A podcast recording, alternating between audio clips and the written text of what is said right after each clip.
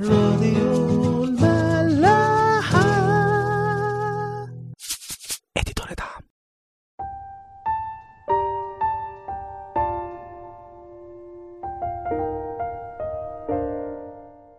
أهلا بيكو في عيش وملح. خلصت آخر مرة لصاحب 13 من سفر ملوك أول واللي كان بيحكي قصة رجل الله اللي بعته ربنا ليروبعام يتنبأ على مذابح الأوثان اللي هو بناها والكهنة اللي رسمها من بره سبط لاوي عشان الآلهة الجديدة اللي هو اخترعها. عشان بس نفتكر بسرعة كده إيه اللي بيحصل. سليمان في آخر ملكه عمل خطية كبيرة قوي وهي إنه اتجوز نساء كتيرة وغريبة عن ربنا وتبع الآلهة بتاعتهم. فربنا زعل منه قال له إنه بسبب اللي أنت عملته ده المملكة هتمزق بس عشان خاطر داوود مش هيحصل ده في عهدك إنما في عهد ابنك.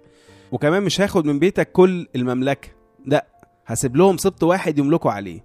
وفعلا بعد موت سليمان بيجي ابنه رحبعام وبسبب غبائه الروحي والسياسي شعب إسرائيل بيصور عليه وبيقرروا ينفصلوا عن ملك سبط يهوذا وبيجيبوا يربعام يملك عليهم. ورحبعام بيفضل معاه بس سبط يهوذا.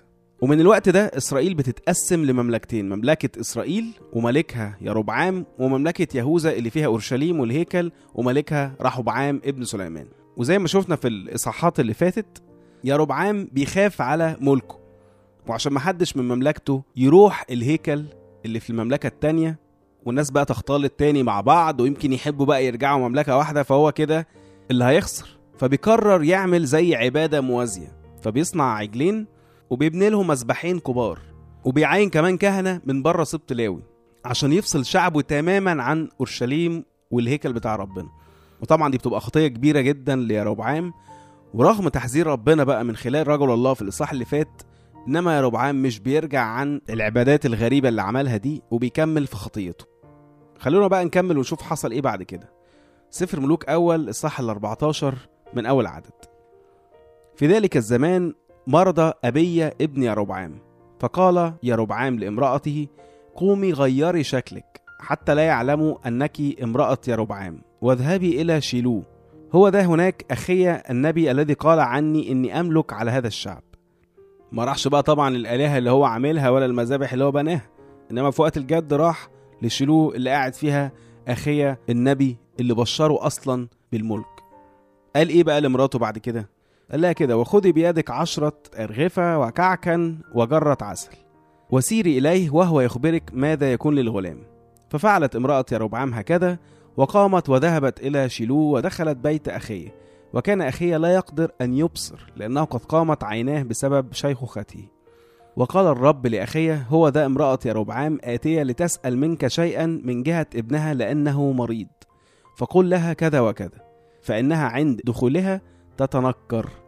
فلما سمع أخيه حس رجليها وهي داخلة في الباب قال ادخلي يا امرأة يربعام لماذا تتنكرين وأنا مرسل إليك بقول قاسي؟ وبيبتدي بقى يقول لها بعد كده الكلام اللي هو عايز يوصله ليروبعام قبل ما نتكلم عن اللي قاله أخية هنقف هنا شوية. وهنلاحظ مع بعض نفس المشكلة اللي كنا اتكلمنا عليها كتير في الفترة اللي فاتت وهي مرحلة الغباء الروحي اللي بتيجي مع إن القلب يتحجر كنا شفنا في آخر إصحاح إزاي رجل الله لما راح يقول النبوة بتاعته ما وجهش كلامه حتى ليربعام إنما وجهه للمذبح اللي هو معمول من حجر. وقلنا إن دي إشارة إنه المذبح ده هيتأثر بكلام ربنا أكتر من يربعام وده يوري قد إيه يربعام كان مقتنع ومتشبث بخطيته ورافض أي وعظ.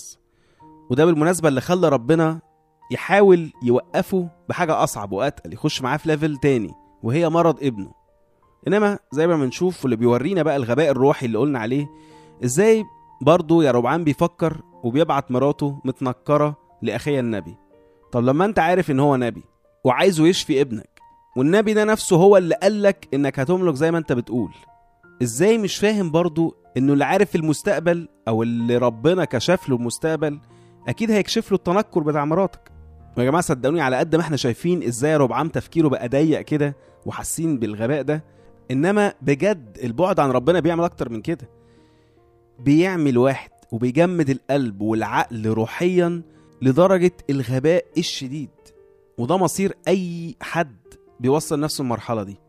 فطبعا بنشوف بقى إزاي ربنا قال لأخية إن دي مين. فلما جت حتى من غير ما يشوفها من صوت خطواتها أصلا ابتدى بقى يقول لها على الكلام التقيل اللي ربنا بعته لجوزها يا ربعام برضو إحنا اتكلمنا كتير عن موضوع العمى الروحي أو الغباء الروحي في الفترة اللي فاتت واللي فهم الكلام بقى فهمه فمش هنتكلم فيه أكتر من كده. بس اللي عايزين نركز عليه أكتر المرة دي هو اللي طلبه يا ربعام من مراته إنها تتنكر على النبي أو بمعنى صح على ربنا اللي شغال في النبي ده.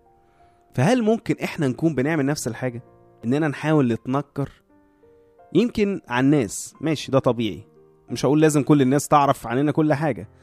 حتى لو مش هنبين الحاجات الحلوة أو الصلاح اللي عندنا على الأقل مش هنبين البلاوي اللي عندنا. فماشي كل ده طبيعي. بس اللي مش طبيعي إننا نيجي قدام ربنا كمان ونتنكر. بيحصل آه بيحصل. وعلى فكرة ده لو نفتكر بقى هو اللي عملوه آدم وحواء برضو أول ما وقعوا في الخطية. عملوا لنفسهم زي هدوم طبعا ما كانتش هدوم هي كانت كلام فارغ يعني من أوراق التين. وافتكروا إن هم كده اتستروا فبرضه اتنكروا. وكانت مشكلتهم برضه مش كسوفهم من الخطية قدام ربنا إنما كسوفهم من نفسهم قدام بعض. عشان عرفوا إن هم عريانين أو استوعبوا ده. هم كانوا عريانين من الأول. وإحنا كنا قلنا بقى ساعتها لو نفتكر إن ورق التين ده بالذات بيرمز للمرائية. ودي بقى الحاجة اللي إحنا بنعملها حتى قدام ربنا. بأي شكل عندنا حاجات كتير قوي في حياتنا ممكن نكون بنعملها أو بنمارسها ونستخبى وراها بخطايانا قدام ربنا. وننكر عن نفسنا أي خطية. ومش هقول أي خطية عشان كتير قوي هقول لا ما إحنا بنعترف بالخطية قدام ربنا. لا في خطايا كتيرة برضه مش بنعلنها. بنخبيها ورا ورق التين بتاعنا ده. وبنفتكر بقى إننا لو عرفنا نخبي على بعض الخطايا هنكون بكده بنخبيه على ربنا هو كمان. فلو رجعنا بقى لقصة آدم وحواء هنشوف إن ربنا لما نده على آدم فراح آدم قال له أنا سمعت صوتك في الجنة فخشيت خفت أو اتكسفت يعني. ليه بقى؟ هل من الخطية لأ. قال له لأني عريان فاختبأت. فراح قال له ربنا ساعتها طب هو مين قال لك إنك عريان أصلا؟ هو أنت أكلت من الشجرة اللي أنا وصيتك ما تاكلش منها؟ عملت الخطية اللي أنا حذرتك منها؟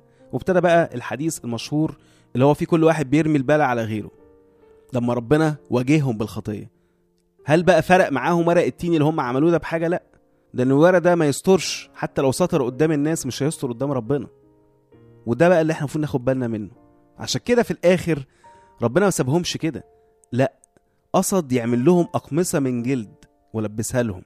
بدل الكلام الفاضي اللي هم كانوا عاملينه بورق التين ده. هل مثلا ربنا عمل كده عشان ده أشيك أو عشان يدفيهم؟ لا إحنا كنا قلنا ساعتها برضو إن ده كأنه ربنا بيفكرهم إن اللي هيستركوا مش الورق مش المرائية والتنكر إنما الذبيحة. لأنه الجلد ده جاي منين؟ جاي من ذبيحة. ومش أي ذبيحة لا الذبيحة اللي أنا هديها لكم اللي هو دم ابنه المسيح. فيعني زي ما بيقولوا كده الإنكار مش هيفيدك هنقول برضو المرة دي التنكر مش هيفيدك. فعلا تخيلوا كده كأني واحد متهم رايح قدام وكيل نيابة وكل حاجة موجودة متسجلة صوت وصورة وأنا قاعد لا بقول لا ده مش أنا. واحد عارف عني كل حاجة. ولو اعترفت له باللي عندي هو وعدني إنه هيساعدني وهيسقط كل التهم دي من عليا. أنكرها ليه؟ في يوحنا الأولى الإصحاح الأول على التسعه الآية المعروفة. إن اعترفنا بخطايانا فهو أمين وعادل. حتى يغفر لنا خطايانا ويطهرنا من كل إثم. وعد بسيط وصريح جدا.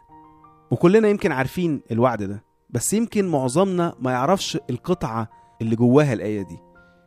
فهنقراها تاني بقى من أعداد 8 ل 10 بيقول كده إن قلنا أنه ليس لنا خطية نضل أنفسنا وليس الحق فينا. إن اعترفنا بخطايانا فهو أمين وعادل حتى يغفر لنا خطايانا ويطهرنا من كل إثم. وبعدين يقول إيه؟ إن قلنا إننا لم نخطئ نجعله كاذبا وكلمته ليست فينا. يعني بيقول لنا مش بس بنضل أنفسنا لا كمان بنطلع ربنا كذاب. ينفع كده؟ تخيلوا بقى إحنا بنعمل إيه؟ عشان كده لازم كلنا نقلع التنكر ده قدام ربنا ملوش فايدة. ونقول له يا رب إحنا فعلا غلطنا. ومش الكلام العام والعايم ده لا نقول له غلطنا في كذا وكذا وكذا. نحط الخطية قدامه والباقي ده مسؤوليته هو. خلونا دايما نفتكر الإنكار أو التنكر لا يفيد. نكمل المرة الجاية. راديو ملاح.